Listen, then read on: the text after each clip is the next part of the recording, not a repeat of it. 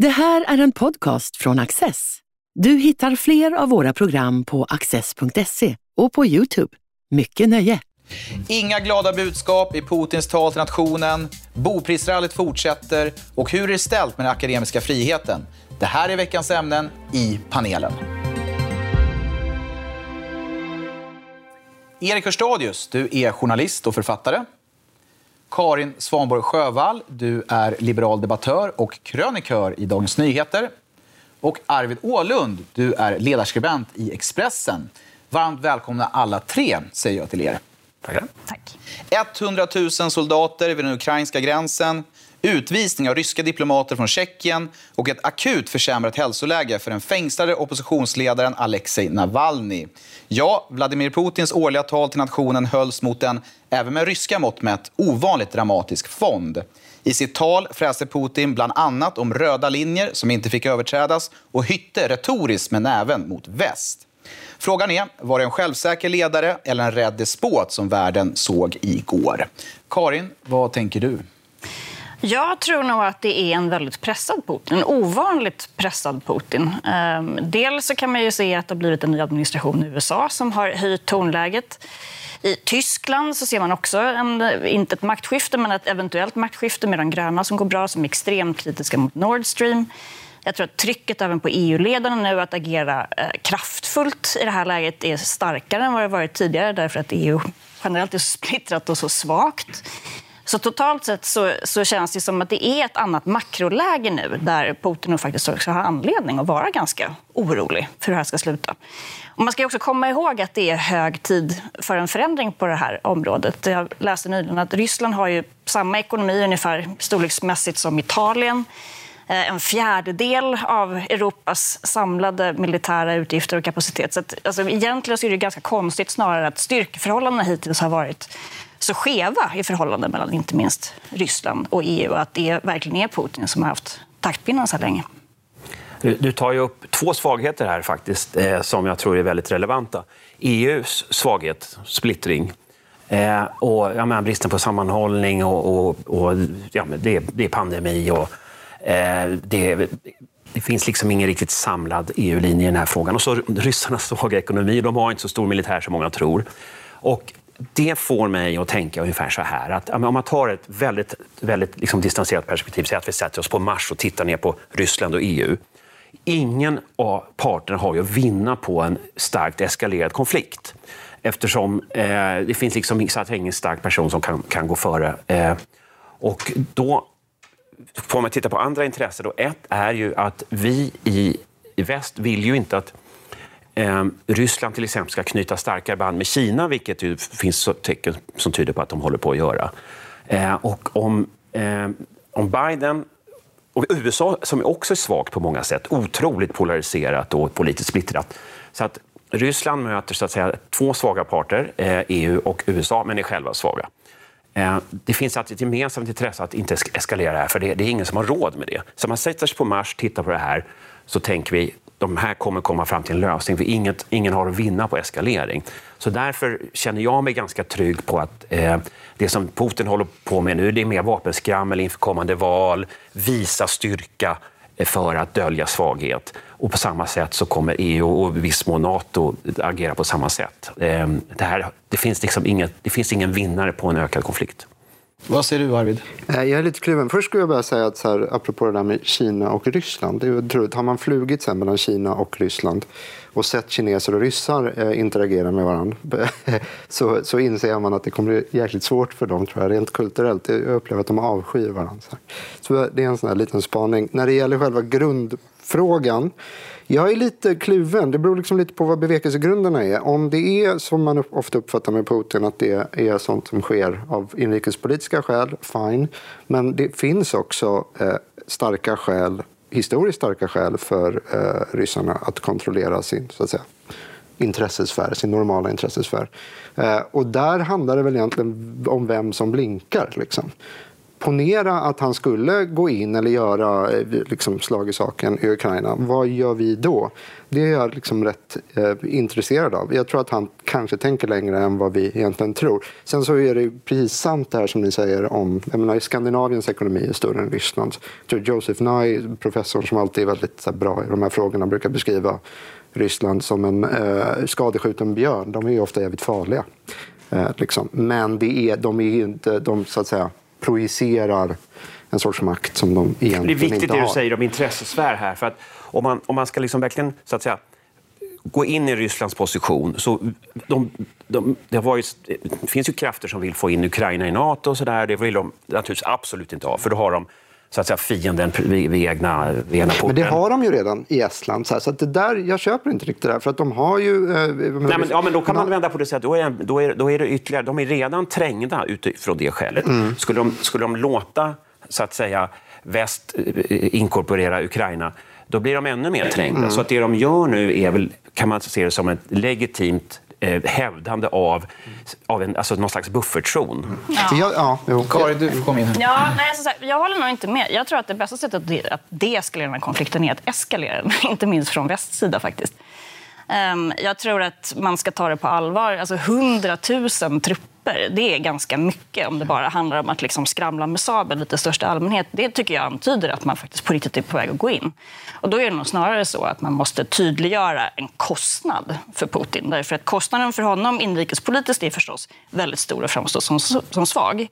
Och det innebär att den faktiska kostnaden för att, för att agera militärt och aggressivt måste vara ännu högre. Eh, så jag tror att sanktionsvapnet är, är långt ifrån uttömt än. Jag tycker man borde gå hårdare fram. Kan man säga, om jag som egentligen håller med Karin i grunden, eh, vi, vi pratar om EU, och att EU är splittrad och så här. Det jag skulle vilja poängtera lite, som du vet inte minst, är att är EU så jäkla splittrat? Egentligen känns det som att varje gång vi handlar, när det liksom kommer till de här frågorna så är det tyskarna som eh, så att säga, sätter klackarna i backen. Det är de som sätter klackarna i backen när det gäller Kina.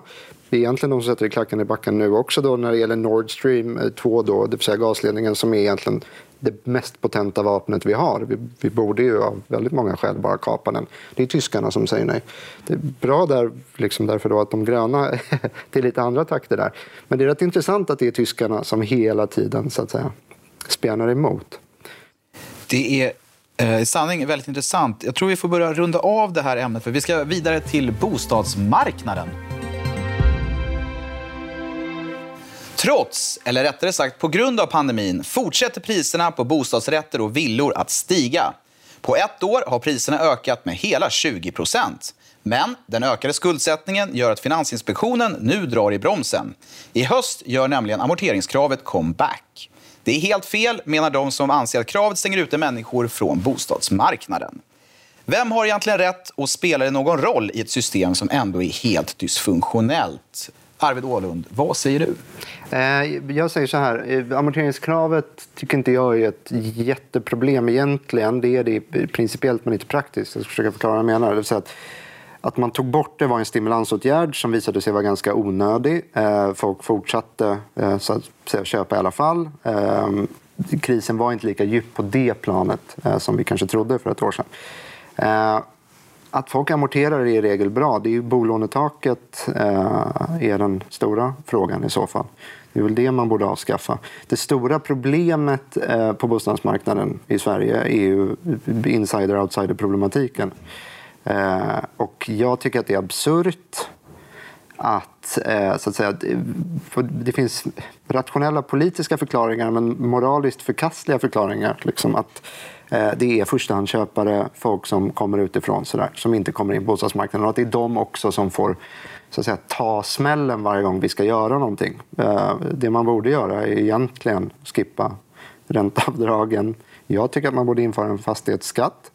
Eh, jag tycker att man helt enkelt väldigt förenklat borde fördela bördan över fler. Just nu så är det, det jag tycker att det är ett ganska förkastligt system vi har som det ser ut nu. Karin, vad säger du? Jag tycker också på alla sätt att det här är ett helt förkastligt system. måste jag säga. Det är som en stilstudie i varför socialism inte fungerar. Um, sen tycker jag nog nästan tvärt emot dig i, i princip allt. Mm. Uh, om vi börjar med amorteringskravet så skulle jag säga att jag tycker nog att det är principiellt korrekt men praktiskt fel. Alltså det, så jag tycker att det är helt rimligt att man som samhälle skickar en signal kring att lån ska betalas tillbaka. Där är jag gammaldags och konservativ. Mm. Jag tycker att den här kreditekonomin har nått en nivå nu som inte är hälsosam och att man ska ta de här riskerna för, för bubblor på största allvar. Men i det här läget så, så spär ju det på just den insider-outsider-problematik som ett i grunden helt felkonstruerat system ger upphov till. Så att, um, jag, jag, jag, tror att man måste börja höja rösten nu och titta framförallt på hyresregleringen, för det är där själva huvudproblemet ligger. Det byggs för lite. Och det är därför att vi har förstört vår hyresmarknad, vilket i sig har skapat den här konstiga bostadsrättsmarknaden som man sen försöker kompensera med ränteavdrag därför att det är liksom ohållbart i de två föregående leden. Eh, och tittar man på den här prisökningen så ser man också att ränteavdragen det kommer ju inte gå i längden. Det blir ju en enorm gökunge. Det är redan en jättestor utgift. Fortsätter lånen öka på det här sättet så kommer det här bli fullkomligt ohållbart. Så man måste sluta dutta med symptomen och börja prata om de riktigt jobbiga grundorsakerna till att vi befinner oss där vi befinner oss. Mm. Ja, en sak man absolut borde göra, det här handlar om väldigt lång sikt. Det är, liksom, det är lång politik, eh, lång ekonomi. Man, man köper en bostad och ska bo där i tio år. Lånen har man 50 år eller liksom, efter att man har dött och så vidare. Ehm, men att här, här borde blocken, eller partierna, kunna, de stora partierna göra en ordentlig bostadspolitisk överenskommelse där jag tycker att fastighet ska ingå. då.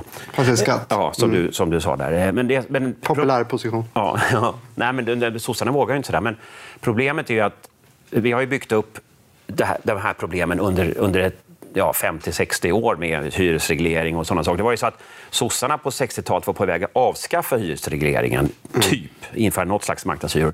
Och då, då bromsade Folkpartiet det. Eh, av, av skäl vi inte behöver gå in på nu. Men, men, eh, och när man, som du säger, socialistisk ekonomi är ofta inte så bra. Va? Eh, och sen så, den här lågränteekonomin vi har nu gör att det kostar... Den som får lån betalar ju ingenting för att bo i sin bostadsrätt. Eh, räntan är ju eh, under 1 procent efter ränteavdrag. Så en miljon kostar 10 000 per år. Eh, det är ju ingenting. Eh, och vi räknar med låga räntor framöver. Så det är inget konstigt att folk, folk som kan låna gör nu rätt till att köpa. Det är dessutom så att om det blir någon slags krasch, det vill säga priserna går ner, då sitter man ändå kvar med sin låga ränta och kommer, de flesta, många kommer inte att behöva sälja för lånen är inte så betungande. Eh, så det, jag ser liksom ingen slut på rallyt. Och sen, ja, Ja, alltså det finns ju en väldigt grundläggande orättvisa här och vi, vi, jag är personligen en del av den, för jag är från Stockholm. Så här, är man uppväxt i Stockholm då har man ju förmodligen, om man är uppväxt eh, så att säga, i ett hem där någon har ägt sin bostad har man gjort en, en helt otrolig resa. Eller ens föräldrar har förmodligen gjort det. Och det får man ofta del av. Liksom. Har man vuxit upp i Skövde eller Skellefteå så då har man inte gjort samma resa. Så att problemet blir ju att det, alltså det, det blir otroligt godtyckligt. Eh, och det är ju grundproblematiken. Att man sen försöker lösa problemen som uppstår genom att så att säga öka bördan för dem som redan måste slänga in 600 000. En liksom 25-åring som ska punga upp med 600 000 i någon sorts eh, handpenning eller i eh, kontantinsats. Där. Det, är ju, mm, det är ju moraliskt fel. Liksom. Och, eh, men det är ganska självklart för det är enkelt att stryka starka grupper medhårs. Sen per perverterar ju samhällsmoralen utifrån det insider-outside-problematiken. Har man kommit in på marknaden så har man kunnat bygga upp alltså, om man har bott i de större städerna, eh, alltså miljonbelopp ja. och, och, ännu mer. Liksom. Tiotals miljoner. På, på vad? På att bo. Ja. Alltså om jag tittar på vad jag har tjänat som, som frilansjournalist eh, under, sen jag kom in på bostadsmarknaden, det är mycket mindre än jag har tjänat på att bo. Mm. För att värdeökningen på, på mina bostadstillgångar har varit mycket mer. Och, och, det här skapar skruvade incitament och det är ju inte konstigt att när svenskar möts, åtminstone i större städer, då är ett av de vanligaste samtalsämnena är ju bostads, alltså kvadratmeterpriser och sådana saker. Mm. Mycket meritokratiskt system. När passivt ägande lönar sig så oerhört mycket bättre än produktivt arbete. Det tror jag vi alla vet. Det är så. Och det som händer om man, om man kan låna till en lägenhet, till sitt barn till exempel, kommer in, bor bra, Eh, medan, och betalar då tack vare räntorna inte så mycket. Medan den som inte kan hjälpa sitt barn, barnet hamnar i, på en otrygg andrahandsmarknad med jättehöga hyror. Mm. Det betyder att rika betalar mycket mindre för sitt boende, mm. fast de bor i bättre lägen. Eh, men hur ska man då lösa det? En sak är naturligtvis att, att, ta bort så mycket byggregleringar som möjligt. Alltså, upp, alltså uppmuntra nybyggen och, och så. kommunala planmonopol. Ja. Alltså, det blir ju en väldigt stor diskussion till slut. Det var därför jag inte ens vill ge mig in i hyresreglering. Jag håller ju med dig där egentligen. Men jag, jag tycker just det här att grundproblemen eh, drabbar de så att säga, outsiders. Lösningarna vi liksom använder drabbar dem ännu mer. Det är ju i grunden ett helt absurt system. Eh, och det är det jag tycker är så liksom, nästan parodiskt. Men eh, den här problematiken som ni, som ni ehm, skisserar upp här, den, kan ju knappast vara, vara obekant för, för de, våra politiker och de ledande, ledande eh, maktpartierna. Ändå händer det så lite. Men hur, eh, en retorisk fråga då. Hur illa måste situationen bli innan det blir en grogrund för någon typ av stora reformer? Då? Men det är, jag tror att här, alla är ju fångar i det här systemet på ett eller annat sätt. Alltså de, som, de som drabbas hårdast av det är inte röststarka, är inte resursstarka. Det är precis som du är inne på, de, de räknas liksom inte. Och vi har ett korporativistiskt system dessutom som har institutionaliserat eh, de här intressena. Och det är ju ett av flera grundproblem här jag menar, vi har ju en situation nu när människor mördas på grund av svarthandeln. Alltså, så stor har den svarta marknaden blivit och så lukrativ har den blivit. Så på ett sätt kan man säga att det har ju redan passerat alla rimliga gränser för när det borde finnas ett jättestort tryck på att göra någonting åt det här. Sen, har man dessutom en, en, en vinstskatt. Om man, ska, om man säljer sin bostad så får man betala en del skatt som man annars inte skulle behöva. Och, och det gör att folk låses fast i lite för stora lägenheter. Ja. Barnen flyttar hemifrån, men man bor kvar i den stora lägenheten. Finns ingen anledning att, att Man borde ju minska den och ersätta den med en mer rättvis fastighetsskatt. Och så länge folk spekulerar i värdeökning så, så, så, så drivs ju efterfrågan. Att det här är ju ett, det är ett västerländskt problem nu. Det är ju, det är, diskussionen är ju egentligen samma i alla länder. Sen så är det klart att det är skillnad på marginalen. Man löser det på lite olika sätt. Men den här problematiken som går ut på att du har liksom enorma värdeökningar i de stora städerna med insiders och outsiders. Det är liksom en av grundförklaringarna, inte minst bevisar eh, forskningen det, eh, Brexit. Det finns en ganska stark korrelation mellan folk som äger sitt boende och som var liksom negativa till Brexit och vice versa. Så, så det är ju liksom, eh, det är inte ett svenskt problem, så brukar jag säga, men det är, det är ju inte det. men i grunden, om man ändå ska avsluta, om man ska vara lite hoppfull kring att det går att göra någonting, jag är nog egentligen inte det, men om vi ska försöka, optimistiska, Nej, men så tror jag ändå så att man, man, måste nog ändå utgå ifrån att förutsättningen för att någonting mer substantiellt ska kunna hända är just att man hittar någon typ av blocköverskridande eh, lösning. Och då får man nog tänka sig att det här är någonting som kommer att ske på tio års sikt. Ska man ändra hyresmarknaden det kommer krävas besittningsskydd på skulle jag tro, minst tio år för att det ska vara politiskt möjligt.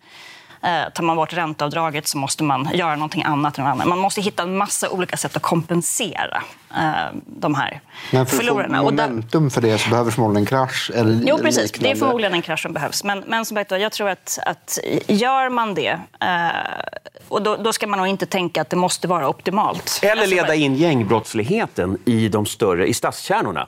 För, då, för de av medelklassen börjar lämna stadskärnorna, det, kommer. då kommer priserna sjunka. Det kommer. Så det skulle, ja, det kommer. Det kommer. Så att det får ha en lösning då. Gängbrottsligheten flyttar in till city. Var tror du att de, eh, de ledarna bor? Eh, du nämnde någonting där, eh, Arvid, att det krävs liksom en extern chock för att någonting skulle kunna hända.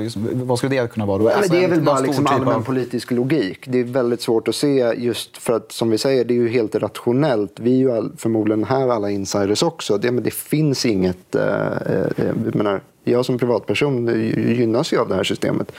Eh, och det måste ju till någon sorts nollställning, så är det ju alltid, för att folk ska ta någonting på allvar. Liksom. Um, för att dra en väldigt trubbig parallell, det som händer med liksom finanspolitiken i USA nu. Det hade ju inte hänt. Jag menar, det har diskuterats i tio år, men det är coronakrisen som gör att det faktiskt händer någonting rent praktiskt i form av enorma stimulanspaket. Så jag menar bara att det är, liksom, det är inte så att någon en dag säger nu måste vi avskaffa ränteavdragen. Utan det krävs någonting. Ja. Och där måste vi sätta punkt för den diskussionen, för nu ska vi vidare till den akademiska friheten. Utfrysning bland kollegor, hot från aktivistiska studenter och bristande yttrandefrihet. Så ser verkligheten ut för brittiska akademiker som inte rör sig i vänstermittfåran enligt Matthew Goodwin som skriver en längre artikel i senaste numret av Access magasin vars tema är just akademisk yttrandefrihet. Vilka tankar väckte den här texten hos våra panelister och hur tycker de att tillståndet är inom den svenska universitetsvärlden? Vad säger du, Erik Hörstadius? Alltså, vi har pratat om relationerna eh, Västeuropa-Ryssland. Och det är väldigt begripligt att det är svårt att lösa upp det, för det finns sådana legitima intressekonflikter lång, historiskt sett, eh, och kulturella skillnader och så. Och så har vi pratat om bostadsmarknaden. Vi betalar för, för synd, gamla synder som, som uppstod för länge, länge sedan. Begripliga problem. Det är begripligt att de är svårlösta. Men det som händer på akademierna och universiteten det är faktiskt för mig lite svårbegripligt. För att eh, här samlas ju människor som väl rimligen borde förenas i idé om att söka sanningen, utbyta argument och eh, föra, alltså föra det mänskliga vetandet framåt. Men håller nu på att förvandlas till, värst i USA och England som jag uppfattar det, men det finns ju tyvärr i Sverige också, mycket starka tendenser, till att man skapar åsiktskorridorer, trygga rum i vilka eh, andras åsikter inte får tränga fram. Detta kombinerat med att det är otrolig vänsterbias eh, i, i, ja, i, i, i, ja, mindre i Sverige kanske, men i, det vet man ju från studier i USA och England att, att eh, lärarna är, är vänster och sådär. Så det betyder att många legitima perspektiv och forskningsansatser kommer inte fram överhuvudtaget. Det påverkar naturligtvis också vilka som eh, får anslag till sin forskning. Man måste dessutom lägga in massa politiskt korrekta bisatser till sina ansökningar, om det är jämställdhet eller om det är antirasism och sådana saker. Och en ofri forskning blir naturligtvis en sämre forskning. Det är också så att de kvalificerade människorna de, kommer ju, de lämnar ju akademierna och universiteten och hamnar då i, i, i företagen och forskar där eller för utveckling framåt där. Ehm, och då kommer vissa viktiga insikter eh, inte göras allmännyttiga, så att säga. Så att, eh, vilka är förlorare? Jo, i längden naturligtvis vi alla. Upplysningen handlar ju om att föra det mänskliga vetandet framåt och att bejaka olika perspektiv. När vi nu stänger dörr efter dörr så kommer det långsiktigt kosta oss en massa. Om vi alltså bara göra en liten pandang till Ryssland igen ryssarna och kineserna kan ju se hur vi förintar oss själva i det här dumma kulturkriget. Där vi, att vi gör oss dummare och vi gör fiender av någon som tycker nästan likadant men, men har någon annan åsikt om till exempel eh, transpersoners eh, möjlighet att före 18 års ålder göra en könskorrigerande operation. Eller så, vi, så krigar vi ihjäl oss om det istället för att eh, inse att, att vi, vi är överens i de stora frågorna och kan utbyta intressanta perspektiv och erfarenheter. Men det klarar vi inte av på akademierna heller, uppenbarligen. Är det så här illa, Karin? Ja, i England och USA verkar det onekligen vara det. Eh, det var ett väldigt intressant nummer av Access, måste jag säga. Eh, även om det inte är ett nytt tema så, så, så är det ju som en smocka i magen när man läser om det. faktiskt. Samtidigt, eftersom jag har varit konträr hela dagen så tänker jag nog fortsätta vara det. Ehm, yes. Jag... Eh, Som de bör vara på universiteten. Precis. Take it Nej, men jag, jag, mycket av det här handlar ju också om att, att man kan se en pendelrörelse som nu slår tillbaka i, inte minst i England, där den brittiska regeringen nu säger att man faktiskt vill lagstifta om yttrandefriheten på campusen och att man ska ha någon slags, jag vet inte om det är någon ombudsman eller någon person som ska kunna liksom överpröva universitet ifall man kan se att en lärare blir utfryst eller att studentkårerna eh, trakasserar personer som inte har rätt typ av politiskt korrekta åsikter och sådär. Ehm, och då kan man ju se det å ena sidan som en, som, en, som en god korrigering i en utveckling som har gått alldeles för långt i den ena riktningen. Det finns det fog för att säga. Problemet med de här korrigeringarna är att de aldrig slutar med en korrigering utan att pendeln tenderar att slå för långt i den andra riktningen. Och där vill jag ändå höja lite grann av ett varningens finger. För att det är något djupt olustigt med att staten ska in här eh, och börja liksom, liksom vara någon slags domare kring vad man då får och inte säga i yttrandefrihetens namn. Eh, det är ju dels ett misslyckande från universitetens sida förstås att det ska vara nödvändigt. Men jag tror också att man ska komma ihåg att det här kan ju användas i den andra änden också. Alltså så här, vi, vill ju in, vi vill ju inte ha tysta universitet, vi vill inte ha tysta campus. Eh, liksom, akademin ska ju inte vara en tyst reservoar av kunskapssamling utan hela metoden går ju ut på, på friktion och ifrågasättande och sådär. Um, och om staten ska ge sig in på det här området och börja reglera det mer i detalj på det här sättet som jag uppfattar att det kan vara fråga om um, så, så, tror jag att man ska vara medveten om att det, att det kan gå rätt snett i den andra riktningen också. Eh, Anna Victoria Hallberg tar upp det. Eh, hon skriver i det här numret ska jag säga, och kommenterar Goodwins text. Och hon nämner just detta som du säger att eh, kraven på, eh, eller så att säga, politiseringen leder på rop från att politiken ska hjälpa. Då, så det finns en, liksom, det finns en viss paradox där. Eh, Arvid, du vill komma in. Jag ska också vara konträr och hålla med Karin. Um, ty tycker jag är konträr. um, nej, men, precis. Det är väldigt kortsynt uh, att så att säga ropa på staten. Det, det, är, det är så liksom tradigt på något sätt att det är så enkelt. Tycker de ungefär som jag, då är det bra att staten går in. Mm. Uh, åt bägge håll. Och det, är liksom, det är för enkelt. Men jag, skrev om det här veckan eh, utifrån en mycket bra text i det här eh, numret av Sten Widmalm som är professor i Uppsala statsvetenskap. Min gamla professor faktiskt, men han kommer inte ihåg mig. Eh, så. Eh, han kanske ser det här programmet. Ja, precis. Och läste texten. Nej, men så här, det, det, det, är två olika problem, väldigt förenklat. De överlappar visserligen, men det är då det liksom ovanifrån. Det är det som han skriver om, att vi redan i Sverige har en sorts glidning där staten, eh, eller byråkraterna om man vill, så att säga, eh, ställer upp kriterier som kringskär den akademiska friheten eh, på sätt som inte är bra. Eh, och det, hur ska man exemplifiera det? Då? Ja, men till exempel då det var någon eh, docent på KTH som tyckte att det är absurt att när han söker stöd från Vetenskapsrådet så måste han förklara hur eh, stötvågor i akustiska fält, eh, liksom, eh, vad det har för så att säga, genusaspekt. Så och det, det blir ju absurt, det kan man hålla med om. Så det är liksom det ena. Det andra är det här då som tenderar att diskuteras mycket mer de här strömningarna som kommer framförallt från USA och sen då England och i viss mån i Frankrike och så, som kommer underifrån. Eh, en sorts intolerans, om man så vill. Eh, jag tycker det där är svårare av massa olika skäl. Dels för att bägge sidor, återigen, det är nästan som att det är en temperamentsfråga snarare än en sakfråga. Liksom, bägge sidor är så här, ja, ja, det är klart att universiteten ska, att det handlar om att söka sanningen. Men de som till exempel inte tycker som Erik, de tycker att de söker sanningen.